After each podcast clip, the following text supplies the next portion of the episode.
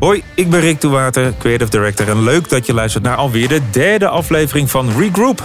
De podcast van Group M, waar we maandelijks samenkomen om alle actuele ontwikkelingen binnen ons vakgebied te bespreken. De media dus. Op zoek naar antwoorden op de vraag die ons dagelijks bezighoudt. How can we make advertising work better for people?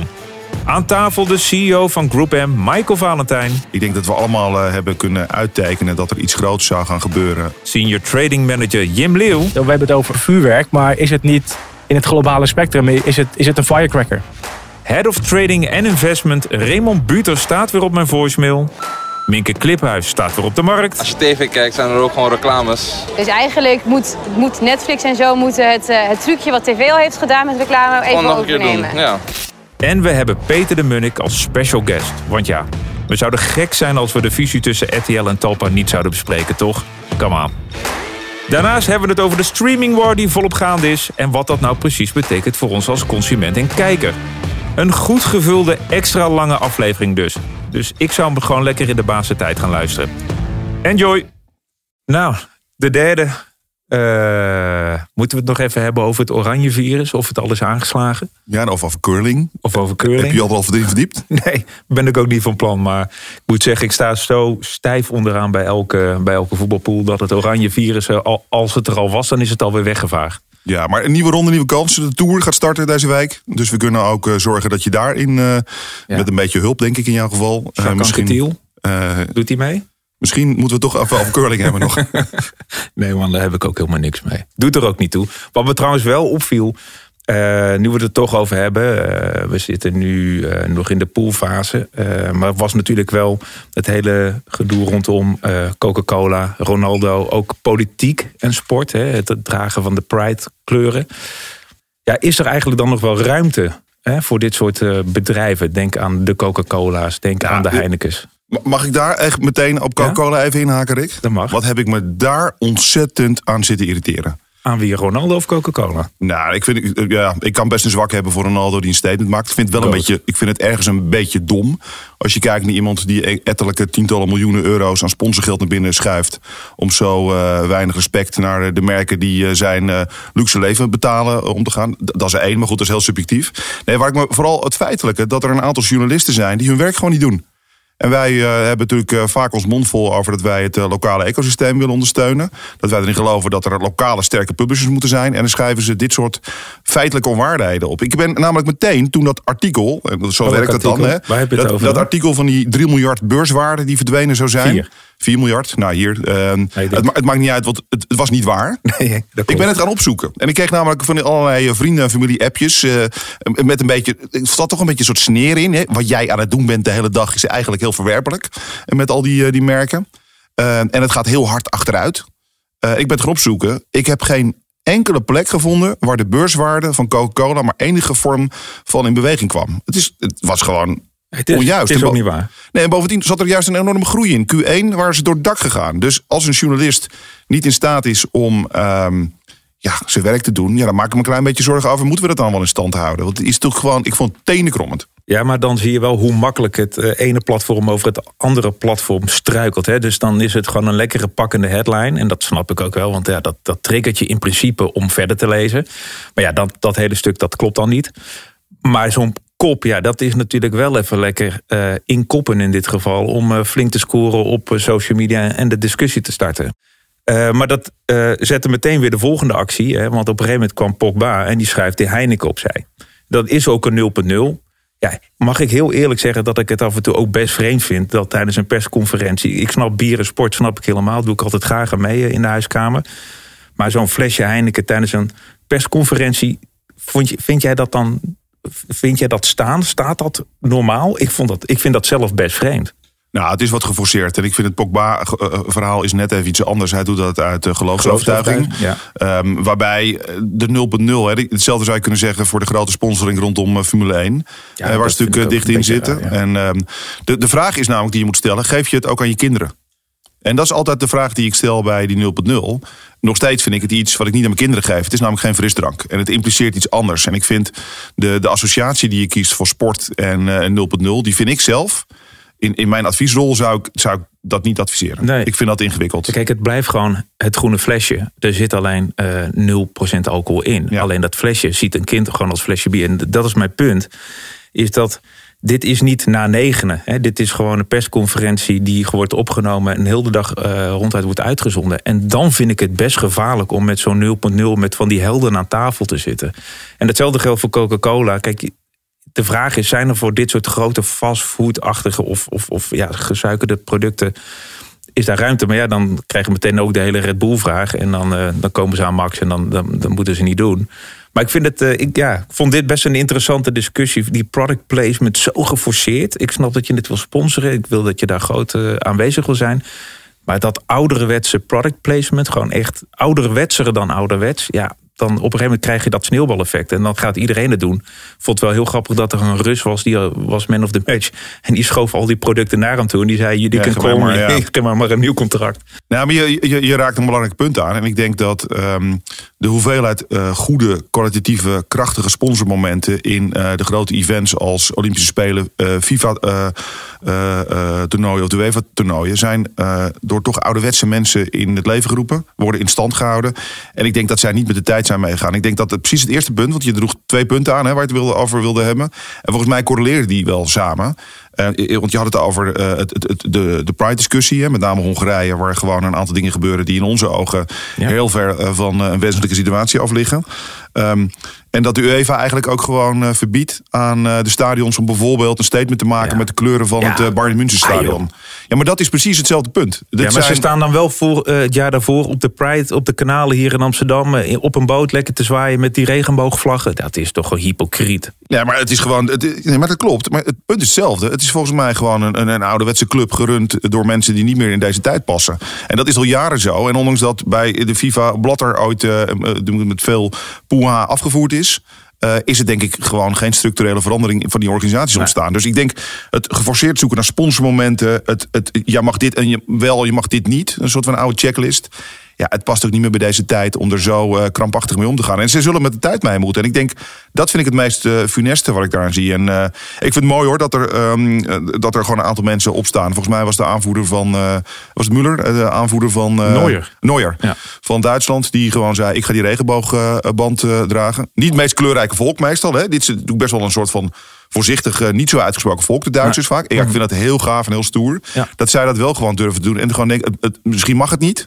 Volgens de stadions ook eh, kleuren. Ja, ik vind het een mooi statement. dat mag zoveel niet. Je mag ook niet Coca-Cola flesjes opzij schuiven. Maar als je het wat doet, soms moet het geforceerd worden door een, een icoon hè, of een, door een ploeg. En dan zet dat dingen in werking. En Ja. eh, volgens mij gaat nu elk stadion in Duitsland de Pride kleuren displayen op al die stadions. Ja, dat vind ik heel mooi. Dat vind ik een natuurlijke ontwikkeling. Ik heb En terecht. Ja, ik, het, het- het- de commerciële kant. Als je nou helemaal afspraken maakt met, eh, als een grote sponsor met een eh, evenement, dan verwacht je wel dat er op, op respectvolle en goede wijze mee om wordt gaan. En dat vind ik wel een andere discussie. Eh, waarbij ik het ook wel interessant vind om de dialoog die ontstaat door de actie van Ronaldo op te pakken. En ik denk dat je daar wat mee moet. Want relevantie en kracht. Maar het zal de FIFA moeten veranderen. En hoe gaan ze hiermee om? Ja, en dan Of de UEFA? Als ik dan nog met twee dingen wil afsluiten, is dan heb je al die, eh, eh, al die grote merken. eh, die staan ook allemaal voor diversiteit en, en, en de regenboogvlag. En dan houden ze allemaal een bek dicht. Ja.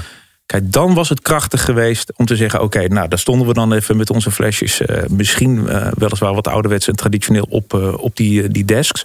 Dan zou je dus het dialoog daarover kunnen laten gaan. En dan ben je er ineens weer, dan sta je er. En dan houden ze allemaal een mond dicht uit angst voor. Ik weet het niet.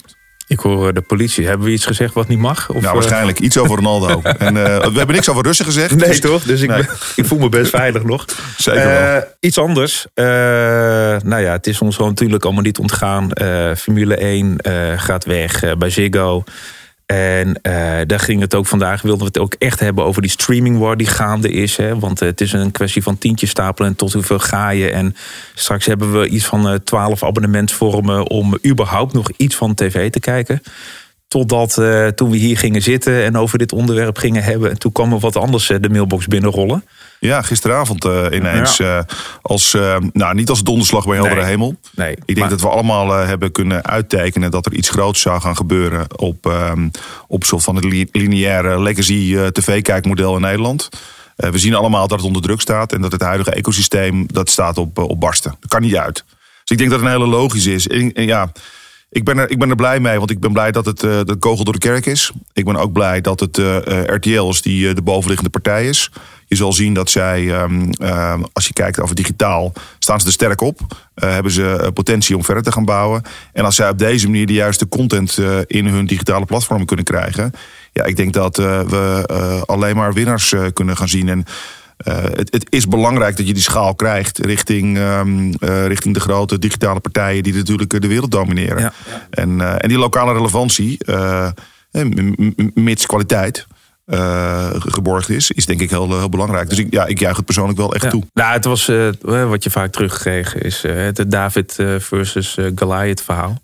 Even voor de goede orde, we hebben het dus over de fusie van Talpa en RTL. Ja, de twee grote Nederlandse reuzen die samenkomen. Ja, je moet op een gegeven moment wel, toch? Ja, want het, links en rechts komen die grote uh, techreuzen voorbij denderen. En uh, ja, we zijn toch ook maar een klein, klein, klein kikkerlandje. Nou, Toch? ook daar, ja, je kijk, moet je er op een gegeven moment tegen wapenen. Nee, zeker. Maar voor hun is het, is het nog platter. Ze zullen gewoon uh, een bepaalde uh, waarde aan hun aandeelhouders moeten gaan, gaan ja, teruggeven. Om laten zien op de investeringen die daar gedaan zijn. En dan zie je gewoon dat het, het businessmodel dat ze hadden, het groeit niet. En um, ze kunnen wel een beetje de, de inflatie blijven opjagen. Uh, maar dat gaat natuurlijk niet uh, de teruglopende lineaire kijktijd op, opvangen. Dus ja, er zit gewoon een lek. En het, het lek langzaamaan weg. En het wordt kleiner en kleiner en kleiner. Dus als je niet een digitaal platform hebt waarin je fantastisch lokale, sterke content cureert. Dan heb je straks ook geen kijkers die daarvoor willen betalen. Dus het wordt wel spannend. Hè? Je haalt Formule 1 ook aan. Dat is natuurlijk ook een belangrijke. Mensen roepen al van alles over de 45 euro die ze moeten gaan betalen. Gebaseerd op helemaal niks. Nee, dus weer zo'n zo'n schilkop. Nou ja, dat is het toch, lekker, lekker makkelijke journalistiek. Ja. Um, verdiep je erin en je ziet dat uh, het aanbod voor die 45 euro in um, wat is het, Noorwegen, Finland, Zweden, is een, is een hele andere. Per land zelfs verschillend. Uh, en Formule 1 uh, zou, ja, ik, ik, ik, ik, doe het, ik, ik gok, ik ben geen marketeer op het gebied van prijsstelling voor deze producten. Maar dat zal waarschijnlijk rond de 15 euro uitkomen. wat best geld is. 15 euro. Michael Valentijn zegt dat Formule 1 kost 15 makkelijke, euro. Makkelijke kop. Nee, ja, kijk, weet je, dat is een logischere prijs. Of, of het 15 of 20 is, de week niet. Um, maar dat, dat, dat klinkt als logischer. De vraag is veel meer als je alles bij elkaar optelt, waar zit de grens voor een consument wat ze nog willen betalen? En, en, en wat dat betreft is um, de toegevoegde waarde van adverteren voor consumenten nooit zo evident geweest. Want als zij kunnen zien dat een, een, een, een, een platform waar advertenties wel welkom zijn, uh, dan kost, zij dat, uh, dan kost hen dat gewoon uh, duidelijk minder geld in de maand. Dus ja. ik, wat dat betreft ben ik eigenlijk wel blij met die ontwikkeling. Want um, uh, ja, het voelt toch als een soort noodzakelijk kwaad voor veel consumenten. En ik denk dat de relevantie daarvan alleen maar hoger wordt. Nou ja, dat is een mooi bruggetje die ik maken naar uh, onze collega Minke. Die uh, de Dappermarkt heeft getrotseerd met 35 graden. Ja. daar hebben we haar natuurlijk ook een beetje naartoe gestuurd met het idee van ja, tot hoever is de consument bereid te gaan? Uh, en het is wel eens interessant, hè, want wij zijn hier altijd heel uh, vakmatig mee bezig en hoe dit allemaal is, ook voor de adverteerders. Maar uiteindelijk uh, krijgt de, de consument straks weer de keuze uit 13 modellen en premiums en standaard en, en wel met advertenties en dan zonder ja, vroeger was het allemaal beter en makkelijker. Je zette de tv aan en je, je, ging een beetje zappen. Tegenwoordig moet je soort van van tevoren helemaal gaan nadenken. Waar heb ik zin in? Waar ga ik heen? Waar, ga ik precies, heen? Waar ga ik überhaupt uit kiezen? En, wat wil ik en wat moet er afvallen? Um, laten we eens kijken. Uh, nou, laten we eens horen, laat ik het zo zeggen. Uh, wat uh, de mensen op de markt daarover te zeggen Ik ben heel benieuwd. Ik ook. Hi allemaal, we zijn vandaag weer de markt op gegaan. Dit keer op de Dappermarkt. Ik kijk altijd heel veel Netflix. En ik ben eigenlijk wel benieuwd of mensen hier ook veel naar streamingsdiensten kijken. Het is verder echt bloedheet vandaag, dus we gaan snel een plekje in de schouder zoeken bij een kraampje. Duizend GDP's, duizend GDP's. Pak jij maar los? Hallo meneer, bent u ook zo aan het genieten van het zonnetje vandaag?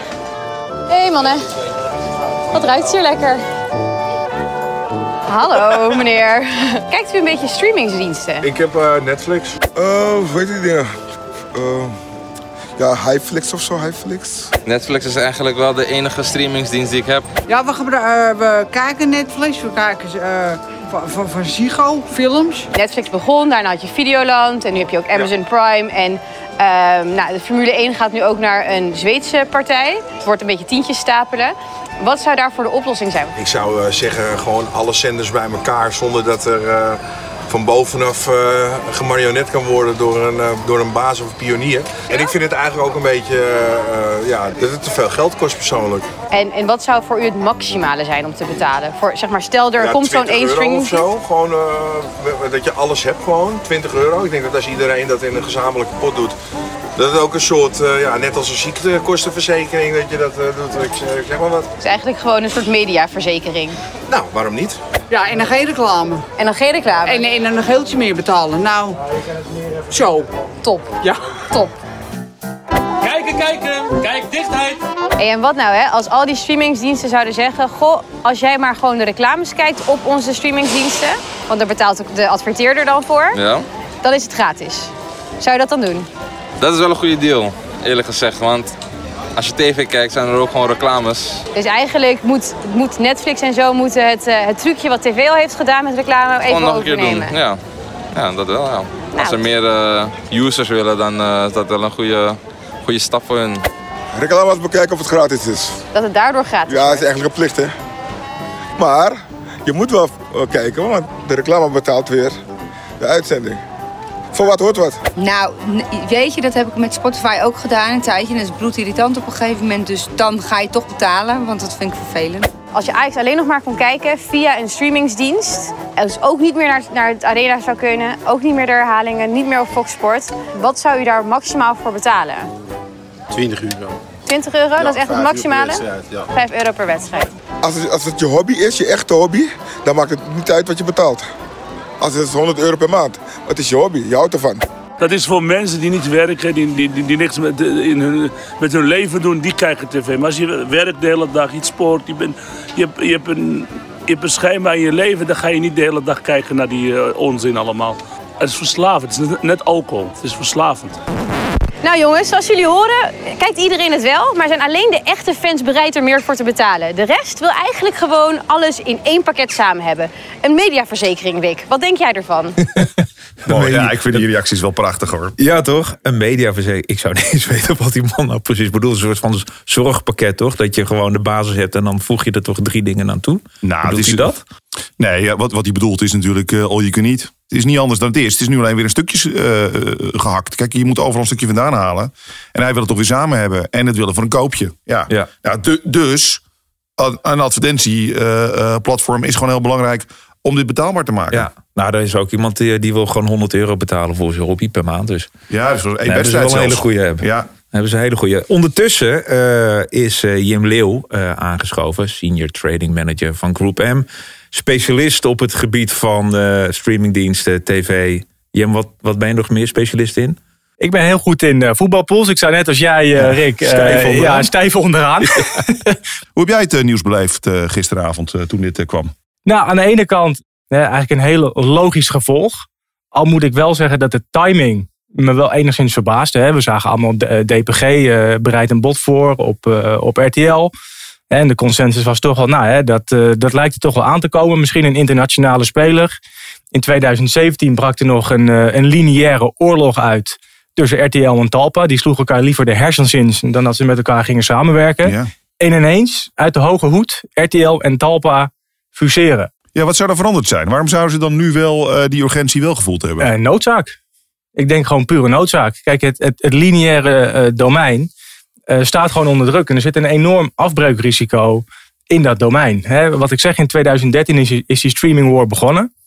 Ehm, het lineaire domein is sinds die tijd, als je kijkt naar, eh, naar omzet, redelijk stabiel gebleven. Er zit zo'n 825 tot 850 miljoen netto tv-omzet, inclusief branded content en online video. En dat is redelijk stabiel over de jaren is dat gebleven, ondanks dat kijktijd steeds meer naar on-demand diensten is gegaan.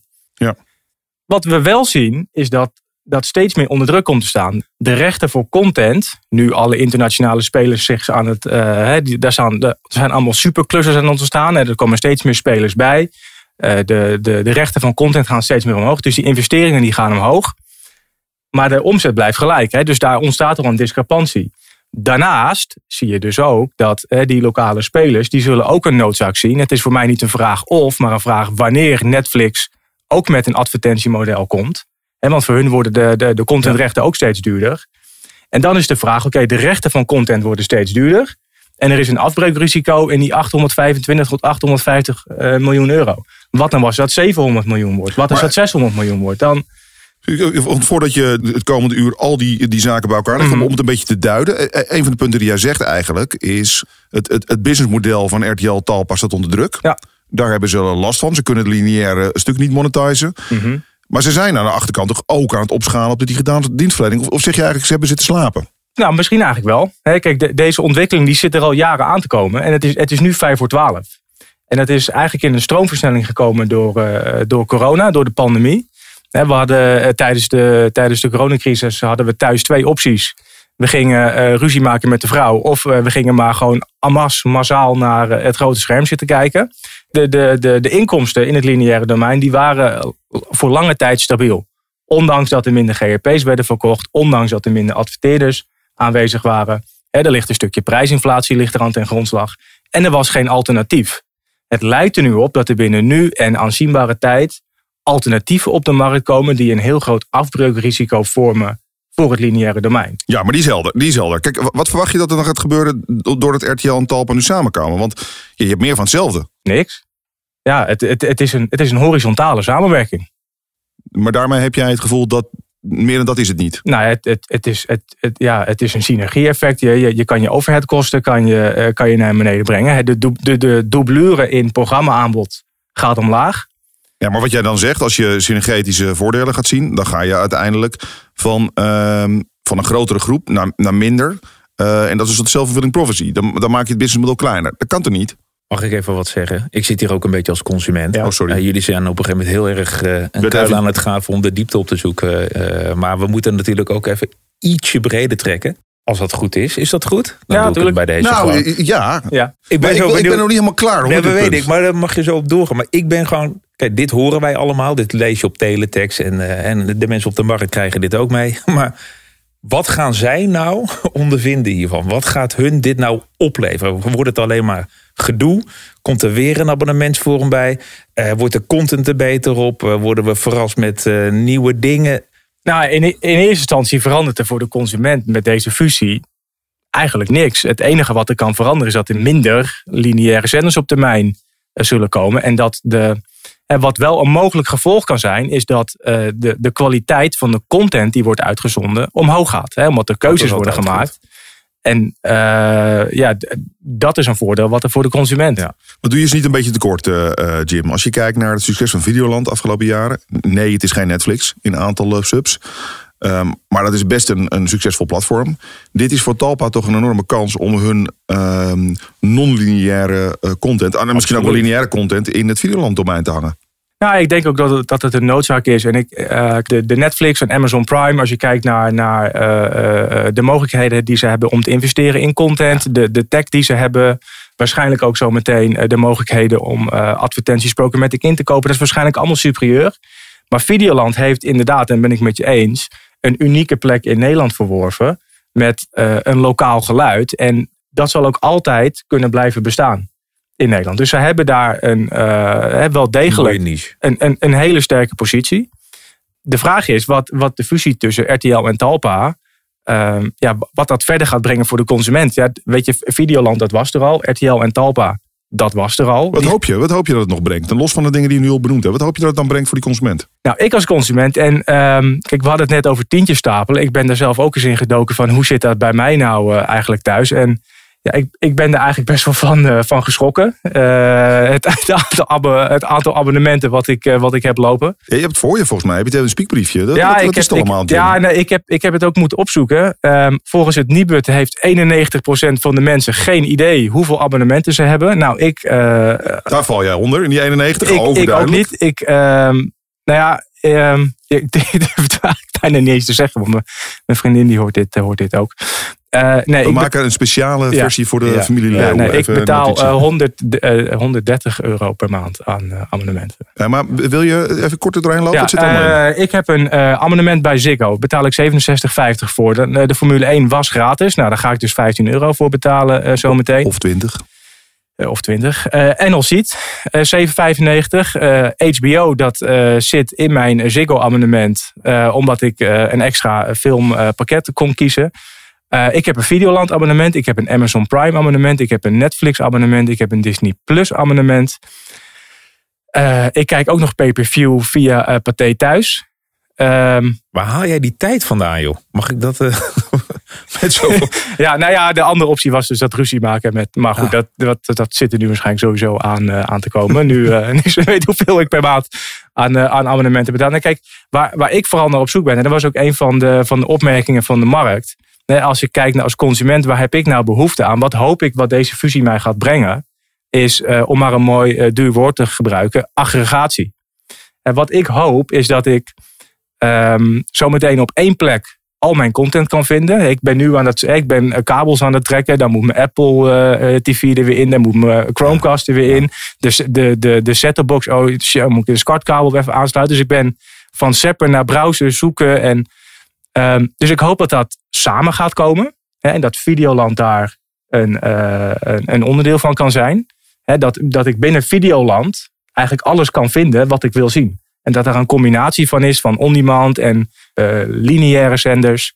Hè, waarbij ik misschien ook zelf samen kan stellen van nou, ik wil deze lineaire uh, zenders graag zien. En wat mij zo irriteert is omdat er zoveel is. Er is zoveel aanbod. Het, het heerlijke couch potato stijl op de bank liggen na een lange dag.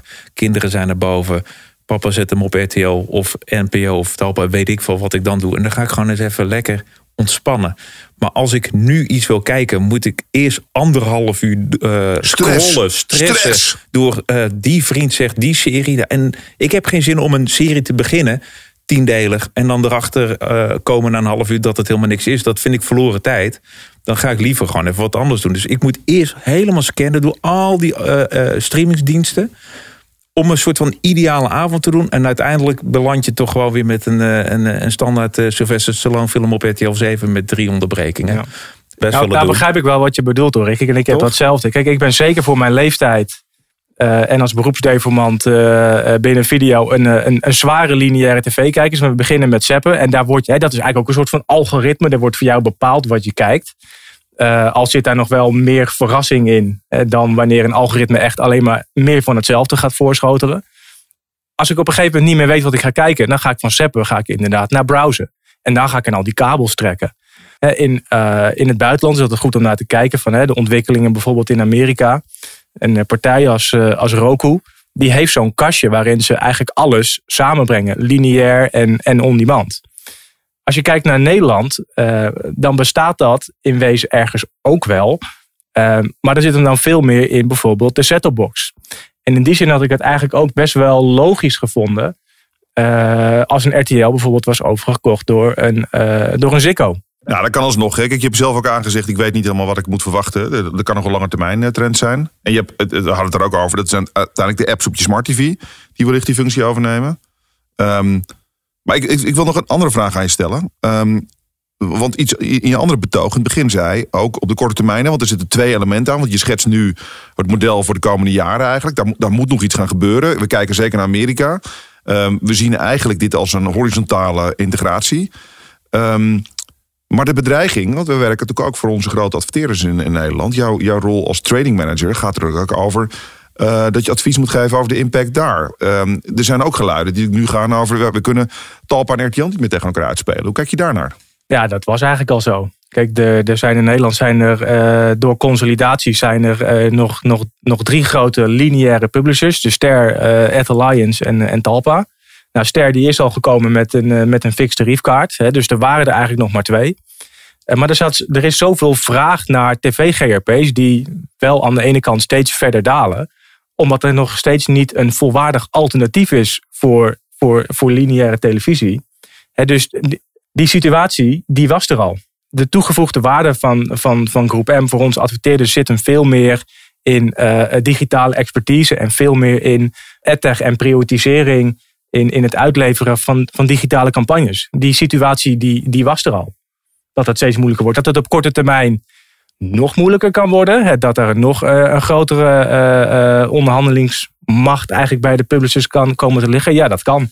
Mijn, mijn eerste reactie als trading manager was ook, nou, daar komt een fixed tariefkaart. Dit is de prijs en ja, succes ermee. Ja. De vraag alleen is, en dat is, kijk, dat is op de korte termijn. Op de lange termijn verwacht ik, en dat is voor mij niet de vraag of, maar wanneer. Eh, streamingdiensten met avondproposities komen. Eh, En dan ontstaat er een alternatief. En dan zal je zien dat er in één keer die bubbel van lineair, die zal in één keer barsten. Die 825 tot 850 miljoen waar ik het over had, die gaat barsten. Hoeveel wordt dat? Wordt dat 700? Wordt dat 600? Wordt dat 500? Hè, Als je een paar jaar daar overheen kijkt, dan verwacht ik dat eh, er juist veel meer te kiezen valt voor adverteerders dan dat we op korte termijn misschien eh, voorzien. Ja, je, je zegt, eh, kijk naar Amerika. Daar zijn ze op eh, subscription wat verder. Zitten ook inderdaad advertentiemodellen in, in combinatie. Hè? Heb je natuurlijk best wel een soort hybride modellen. Ehm, en deze situatie gaat in Nederland ook meer komen. En, en, en dus het concurrentieveld verandert. Het concurrentieveld is niet Talpa versus RTL. Het concurrentieveld is Talpa RTL versus al die nieuwe Versus toetreders. Ja, ja. Nou, het wordt, dat wordt een hele interessante dynamiek. Eh, Daar moeten we ook zeker nog een keer een follow-up over Ja, doen, ja, eh, ja. Rick. Want Ja, dat is ik denk eentje- dat het gewoon een ongelijkspel is met, eh, met die grote partijen. Die hebben zulke grote zakken met geld. En dan staan we hier soms denk ik echt machteloos tegenover. Ik denk dat we over tien jaar gewoon, dan, als we dan dit terug, eh, terugluisteren, dan we denken, oh, toen Nou, is we- interessant. Is dat schaalbaar? Want als je kijkt, Netflix heeft best een aantal Nederlandse producties gedraaid. Omdat Maar het is moet, dat- hè? Omdat het moet ook. Ja, maar de vraag is of het schaalbaar is om, ehm, om Netflix een, eh, een significant deel van haar content Nederlands te maken. Wat dat betreft hebben Talpa en RTL Dat Eh, is echt een unieke positie daarin. grote, Ja. grote Ja. shows, nog steeds eh, lokale content. Absoluut. eh, de, de, de, de, Op de sport ouderwetse ga je het niet TV-helden. redden in ieder geval. Want dat is gewoon, dat, dat, dat, daar- daar zie ik het niet gebeuren. Ik zie het echt wel gebeuren op een goede films, goede series. Een goed entertainment. Hè, waar je als Nederland, nou gewoon als Nederlander in kan onderscheiden ten opzichte van de rest. Ja. Ik denk dat daar ligt ook gewoon de expertise, de jarenlange expertise. Maar nogmaals, misschien is het nog beter om een extra hulplijn in te schakelen. Is dat misschien een idee? Nou, graag. We hebben de luxe eh, vandaag, eh, omdat er toch zoveel speelde. En eh, voordat we überhaupt hieraan begonnen, zaten we nog te denken: moeten we nog extra mensen inbellen? Het is er nog wel eentje. en dat is er extra nog wel hulplijn. eentje. Dat is er nog wel Potverdikkie. eentje. Voormalig topman van Talpa, Peter de Munnik, eh, is via live satellietverbinding. Nee, klinkt altijd zo interessant als je dat zegt. Eh, wij hebben de eer dat hij is aangeschoven. eh, zit al een tijdje mee te luisteren. We zien hem eh, op een computerschermpje hier voor ons. Eh, wat fijn dat je even de tijd hebt, eh, Peter, voor ons om, eh, om aan te schuiven. Mijn, eigenlijk mijn allereerste vraag die ik meteen heb is... eh, hoe kijk jij naar dit eh, nieuws van de dag? Nou, in de eerste plaats, uh, goeiedag. Leuk uh, om hier onderdeel van te mogen zijn. En uh, nou, dank voor de credits. Uh, nou ja, het is natuurlijk super interessant. En kijk, ik zie het als iets noodzakelijks. we hebben al heel lang geleden gesproken met elkaar, ook, maar ook op diverse podia, over het feit dat de markt moet gaan consolideren, omdat de kosten die je moet maken op zowel contentcreatie als ook het streamen van diezelfde content, die worden immens. En dat heeft voor een deel te maken met feitelijk de contentcreatiekosten, maar ook met het bereiken van de consument als zodanig. Alleen al een digitaal platform neerzetten wat in de ogen van de consument, eh, laten we zeggen, competitief kan zijn met andere spelers, is ongelooflijk kostbaar. En ik denk dus dat in die zin die consolidatie een, uh, ja, een hele logische is. Minder logisch is mogelijkerwijs het feit dat RTL en Talpa Netwerk consolideren. Dat is natuurlijk een hele interessante. En dat is misschien ook wel voor veel mensen het verrassende.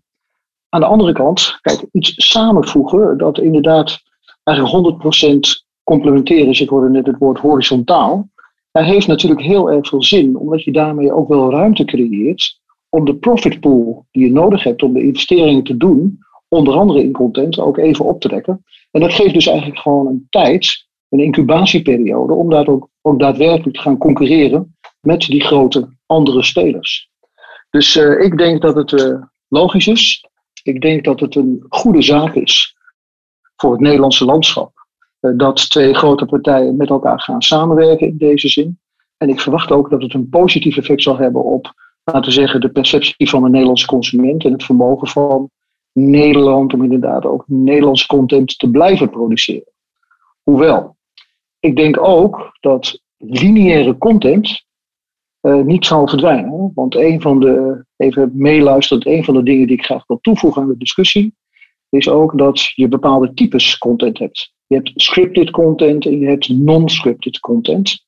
En met name in de non-scripted, en denk toch gewoon even aan nieuws, aan sport en dat soort zaken allemaal, Ja. zie je dat lineaire tv een hele belangrijke functie zal blijven houden. Absoluut, absoluut. En als we dat vertalen naar, laten we zeggen, het vermogen van lineaire tv om een zekere kritische massa te genereren op een tijdstip. Hè, dus gewoon de GDP-markt zoals we hem kennen. Op vrijdagavond zorgen dat alle fast uh, food retailers, et cetera, et cetera, ook daadwerkelijk een podium krijgen. En een bereik daarmee kunnen genereren. Ja, dat is natuurlijk typisch iets wat gewoon past bij lineaire televisie. En ik verwacht ook dat uh, Talpa en ook RTL blijvend producten en producties zullen maken die daarin voorzien. En dat heeft ook een waarde. En dan blijft het de vraag, en dat is een heel goed punt wat werd gemaakt, of die bubbel waarover werd gesproken, die lineaire tv-bubbel, of die zal gaan groeien, of dat die zal gaan krimpen onder de druk van inderdaad andere avondproposities. Echter, uh, ook in die streamingmarkt zul je gaan zien dat er een uh, oorlog zal gaan ontstaan rond contentcreatie. En dat er dus echt moet worden gezocht naar differentiatie hè, met al die content creators. En de aanname van RTL Talpa Netwerk is dat zij een hele grote partij zullen zijn op het gebied van Nederlandse contentcreatie. Nou, daadwerkelijk kun je daarop focussen. Uh, tegelijkertijd is ook dat nog wel een uitdaging. Omdat ook Netflix maakt Nederlandse content. Um, kijk even naar wat er is gebeurd in Spanje. Kijk even naar de Europese wetgeving. Hè, die Netflix ook voorschrijft dat ze lokale content moeten gaan creëren. Zoals dat is gebeurd in Frankrijk, Spanje, et cetera, et cetera. Dus met andere woorden, we gaan op dat scripted content deel nog een hele interessante, ja, hoe moet ik het noemen, uh, discussie uh, zal er gaan plaatsvinden. Met betrekking tot hoe gaan we dan die differentiatie, eh, die differentiatie rond in dit geval Videoland versus andere spelers daadwerkelijk gestalte geven. En dan is er een ja, echte battle en die gaat eigenlijk over retentie. En de retentie is, ja, hoe houd ik mijn abonnees vast? Dus die abonnee die gaat natuurlijk een gedrag vertonen van nou, vandaag is er een leuke serie op HBO. Morgen wil ik toch naar Max Verstappen kijken, want het seizoen is weer begonnen. Dus ga ik naar Nent. Even verder ga ik weer richting een of andere eh, streaming service. Dus met andere woorden, die keuze van de consument die wordt dusdanig groot eh, dat hij dus ook zal gaan kiezen. En dat betekent dat het retentievraagstuk vanuit een marketingperspectief, als we het doorvertalen naar ons vakgebied, hoe gaan wij om met consumer data en hoe zorgen we ervoor dat die consumer data leiden tot een binding met de aangeboden product-marktcombinatie. En dat wordt, denk ik, een hele interessante en ook een hele ingewikkelde voor bedrijven die natuurlijk helemaal niet een core competentie hebben op dit gebied. En dan ben je weer terug naar de investeringen die nodig zijn, onder andere in marketing van het digitale platform. En die zijn natuurlijk immens. En uh, ja, ik, ik denk dat dat de echte battle wordt. En nou terug naar het begin van mijn betoog hier. Ik geloof dus dat met de ruimte die ontstaat in de profit pool van deze beide bedrijven, ontstaat er ook ruimte om die investeringen te doen die noodzakelijk zijn om eigenlijk een sustainable business te bouwen. En daarom ben ik ook heel blij voor uh, al mijn gewaardeerde collega's in het vakgebied uh, dat dit is gelukt. Ja. Maar je zegt eigenlijk dus, het is horizontaal, maar, maar, maar doordat het horizontaal is, maak je die schaal. Er komt geld vrij. En daarmee ga je aan de slag. Maar wat ik ook wel bang voor ben, um, maar misschien heb jij daar een scherper beeld op. Op het moment dat je dan echt, echt samenvoegt, uh, dat je eigenlijk bijna een soort self-fulfilling prophecy uh, dingen efficiënter gaat maken, simpeler gaat inrichten. Um, en dat er eigenlijk um, wel een beetje geld ontstaat, maar dat er ook snel weer geld weggaat, doordat de lineaire kijktijd gaat kosten. En alle die zenders die eraf vallen, het is allemaal weer een beetje schrapen. En dat er dan toch een hoop winst verloren gaat. Is er dan wel zo'n slagkracht? Nou ja, Michael, daar heb je een heel goed punt. Maar dat impliceert ook wel dat het management eigenlijk verkeerde keuzes maakt. Dus met andere woorden, je zult een balans moeten vinden tussen je investeringen die je doet in lineaire televisie versus dat wat je doet op je platform. En daarbij is natuurlijk Videoland een heel groot winstpunt. Omdat ja, Videoland is denk ik een, een goed platform. Het is ook een bestaand platform. Het is trouwens niet alleen in Nederland ontwikkeld. Hè. Het draait ook in Duitsland, zoals jullie weten. Ja. Dus met andere woorden, daar zit nogal wat power achter. En dat betekent dus ook dat als je dat hebt goed, goed hebt ingericht, dat terug naar die incubatieperiode, dat die window die je dus creëert vanuit een businessperspectief, ja, die is er dan dus ook. Uh, als die wordt verprutst tussen aanhalingstekens, ja, dan is dat uh, inderdaad het gevolg van verkeerde keuzes. Ja, nee, die is, die is heel interessant. Mogen we je daar in de komende tijd nog eens een keer voor uh, consulteren? Want ik vind dit wel uh, genoeg reden om uh, de lijnen kort te houden, Peter. nou ja, ik vind, ik, ik, vind het heel erg leuk om naar jullie podcast te luisteren. En ik vind het heel erg leuk om een bijdrage te leveren. Dus u belt mij maar. Nou, Gek. Staat genoteerd. Nou, dat gaan we zeker doen, Rick. Want ik vind dit een... Notaris eh, zit ernaast, dus die heeft er meegeluisterd. Ja, En, ja. top. dankjewel, Peter. Peter, Graag dankjewel gedaan. voor je Dank jullie wel. voor Veel je input. succes. Jeetje, ik, eh, ik ben ook wel een beetje ehm, eh, uitzoomend. eh, hè, want we hebben het best wel veel facetten eh, besproken. We hebben het gehad over de consument, nieuwe platformen, eh, korte termijn, impact, adverteerders. Ehm, maar ook voel ik wel als een soort van. eh, nou, reset is een mooi woord. Ehm, maar een reset is nog niet eh, dat de kaarten al eh, opnieuw uitgedeeld zijn. Ik denk dat er nog wel wat gaat gebeuren. Ja, ik- dit is pas het begin. En eh, het- nogmaals, het duurt nog even een tijdje voordat het allemaal zover is. Maar er gaat een hele hoop gebeuren. Maar nogmaals, als ik Peter mag geloven, gaat het qua content alleen maar beter worden. En wordt het aanbod scherper, mooier en niet allemaal een eenheidsworst. Ik denk dat we daar alleen maar van kunnen profiteren. Tenminste, dat is ook mijn, mijn hoop. Ja, kijk, wij, wij hebben natuurlijk ook een, een zakelijke pet op. En ik geloof wel dat wij ehm, ervoor zorg willen dragen dat we een, een, een, een systeem hebben waarin eh, advertenties ook de juiste waarde en plek goede hebben. content trekt ook goede eh, adverteerders aan. Ik denk dat dat goede content is gewoon echt als honing voor een bij. Ja, de noodzaak is er ook om te zorgen dat al deze platformen, hè, want Jim's tientje stapel is denk ik eh, belangrijk, ehm, dat daar wel alternatieven voor komen. En ik wil ook dat hij straks naar huis gaat en zijn vrouw kan uitleggen dat het allemaal goed komt. en dat, dat er dus van die tientjes gaan verdwijnen, omdat we uiteindelijk een duurder eh, advertiser-funded eh, platform erachter kunnen gaan zetten. Ja, om, om daar nog één keer op in te haken. Als je kijkt naar de ontwikkelingen die, die, die Peter allemaal schetste. En, hè, het is ook eigenlijk nog maar een begin. Hè. Het, is, het is groot vuurwerk, maar het is maar de eerste pijl die, eh, die de lucht in is geschoten. Lekker, Jim. Ik denk uiteindelijk, Mooi ik denk, Ja, ik denk uiteindelijk hoe de markt eruit komt te zien. eh, is uiteindelijk de mate waarin consumenten bereid zijn om te betalen voor content. Hè, we willen wel alles zien, want we kijken steeds meer. Hoeveel is die consument bereid te betalen? En dat bepaalt welke advertentiemodellen en welke businessmodellen er allemaal gevormd gaan worden. Ja, waarbij je ook, ik heb ook, ik heb heel goed geluisterd naar je, want je zei 91% van de consumenten weet niet eens wat ze betalen. Nee. Dus de, de bereidwilligheid eh, ehm, is denk ik ook gekoppeld aan inzicht. En het inzicht is nog beperkt omdat het te overzien was. Ja. Maar je komt nu in een gebied dat waarschijnlijk de behoefte om, eh, ja, dat zie je in andere sectoren als energie bijvoorbeeld ook. Exact. Eh, Ja. Mensen willen inzicht krijgen in hun kosten, gaan dit een keer goed tegen het licht houden. En dan ga, je, dan ga je keuzes maken. Dus ik denk dat het belangrijk is dat we daar een, eh, een hele centrale plek in de dialoog gaan innemen. Ondertussen dat wij dit allemaal aan het eh, bespreken zijn en met Peter eh, via de satellietverbinding, is er een andere satellietverbinding gaande. Mijn telefoon heb ik echt even drie keer moeten wegdrukken. Want Raymond, die wil als geen ander ook natuurlijk hierop inhaken. Maar ja, we zaten net in gesprek. Dus eh, ik ben bang dat ik weer een voicemail heb. Zullen we even luisteren? Nou, die zal langer zijn dan ooit, denk ik, met dit nieuws. Ik, Ja. Die heeft niet geslapen vannacht. Nee, die heeft zeker niet geslapen. Dus zet er anders nog even wat koffie. Raymond Butter. U heeft één extra lang voicemailbericht. Hey Rick, berichtje vanuit Italië, want ik ben hier aan het fietsen. Ja, en terwijl ik aan het fietsen ben, krijg ik dus een pushbericht. Een pushbericht dat Talpa en RTL samen gaan. En dat roepen we natuurlijk al jaren. Dat de consolidatie noodzakelijk is. Om een vuist te kunnen maken ten opzichte van de global streamingdiensten. Wat dat betreft is het logisch dat dat nu gebeurt. Maar net terwijl ik aan het fietsen ben.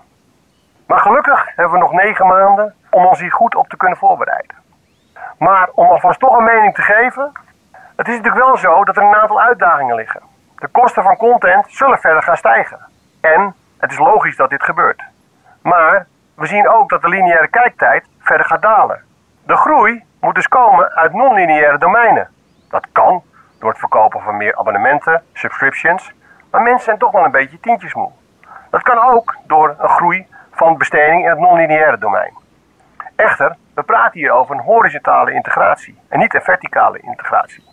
En op het gebied van data en tech en expertise heeft deze partij ten opzichte van de globals toch wel een grote achterstand. Om tot uiteindelijk een groei van non-lineaire videobestedingen te komen. En by the way, met betrekking tot de hockey, had ik wel gelijk toch? Ik vies nog even door. Spreek je Rick. Einde bericht. Krijg je nou gewoon op je, op je donder dat eh, de voorspelling van Raymond... eh, dat je die niet serieus genomen had over de, de, de hockeymannen? Eh, dat ging, eh, betrof de Olympische Spelen volgens mij. Moet nog En, komen, eh, hè? En die moeten nog komen. En ja, de mannen en eh, vrouwen hebben gewonnen. Maar dit was een, eh, een oefenpot, noemen we dat maar. Maar het ging over de Olympische Spelen, dus we zijn er nog niet. Hold your horses, Raymond. Your- En ik moet nog even eh, nadrukkelijk vermelden, eh, dat was een tip vanuit de community. Eh, dit was dus Raymond Buter, Head of Trading and Investment. Ja, en hij draagt nog wel een belangrijk punt aan. Wat in alle discussies, de- de- wat hij zegt, is een hoop voorbij gekomen al.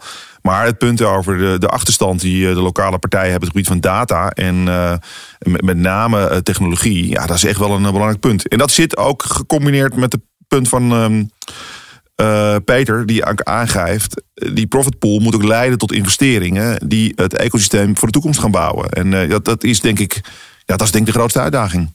Ja, nou, hoe ik eh, erop terugkijk is ook de factor tijd. Maar we hebben het over negen maanden. hè. We gaan nu negen maanden, gaat er achter de schermen een hoop gebeuren. En eh, moddert het even door op tv dan. Zijn we alsnog niet te laat? Ja, die negen maanden gaat er helemaal niks gebeuren, want ze mogen niet praten met elkaar. Dus na negen maanden Na gaat het pas gaat het starten. pas starten. Ja, dat klopt. Nou, nog erger. Ja, ik ben, eh, als, ik, als ik dit allemaal luister, dan denk ik, ja, zijn we op tijd? En is het genoeg? Kijk, een eh, eh, consolidatie tussen Talpa en, en RTL is nodig om de halvering van de EBITDA, waar eh, Peter het over had, eh, te compenseren. Een fusie met eh, DPG Media is nodig om eh, de data eh, in handen te krijgen. Een fusie met Vodafone Ziggo is nodig om de aggregatie in handen te krijgen. Dus er is eigenlijk nog veel meer nodig in het lokale ecosysteem om een vuist te kunnen maken. Naast dat lokale content en een lokaal geluid en de non-scripted content altijd een plek zal hebben in Nederland. Maar om het profitable te maken en om het ook voor de consument eh, prettig te maken om zeg maar eh, te kijken en alles te vinden, niet in allemaal, allemaal kabels te blijven trekken, is er eigenlijk nog veel meer nodig dan wat er nu gebeurt. We hebben het over, over vuurwerk, maar is het niet eh, in, in het globale spectrum, is het, is het een firecracker? Nou, dat, wordt- dat wordt denk ik de hamvraag voor het komend jaar. En ik denk dat we hier ook een poeltje van kunnen maken. Om hem dan weer rond te maken, Rick. Misschien dat je in dit poeltje heel hoog kan scoren. Ja, ja, ja, Want er gaat van alles gebeuren. En we hebben het. eigenlijk nog niet echt een idee. Van, van, van voetbal denk ik verstand hebben, sta ik onderaan. En hier eh, heb ik eh, werkelijk waar, soms kijk ik naar jullie van waar heb je het allemaal? Dan denk ik, hier ga ik sowieso bovenaan. Wat? Eh, nou, laat maar. en hier ga ik bovenaan. Dat weet ik nou al. Iets anders, hè. we hebben ook gewoon aan het einde van het jaar gewoon een heel mooi event, hè, This Year Next Year. Daar Komt gaat eraan, hij hè? ongetwijfeld nog over hebben. Nou, dat, dit wordt een eh, belangrijk eh, thema. En het eh, zal een belangrijk thema blijven ook. En het was het al. Het is nu gestart. En we gaan in het komend jaar hier heel veel aandacht aan besteden. In de podcasts, maar ook zeker op This Year Next Year. Ik heb er, ik heb er zin in. Ik ook. Michael, dankjewel. Jem, dankjewel. Minke, dankjewel. Peter, dankjewel. Raymond, dankjewel. Iedereen, dankjewel die eraan meegewerkt heeft. dankjewel. Dankjewel. Bedankt voor het luisteren naar Regroup, de podcast van Group M. Vergeet je vooral niet te abonneren op ons kanaal. Heb je nog tips of opmerkingen? Stuur dan een mailtje naar regroup.groupm.com.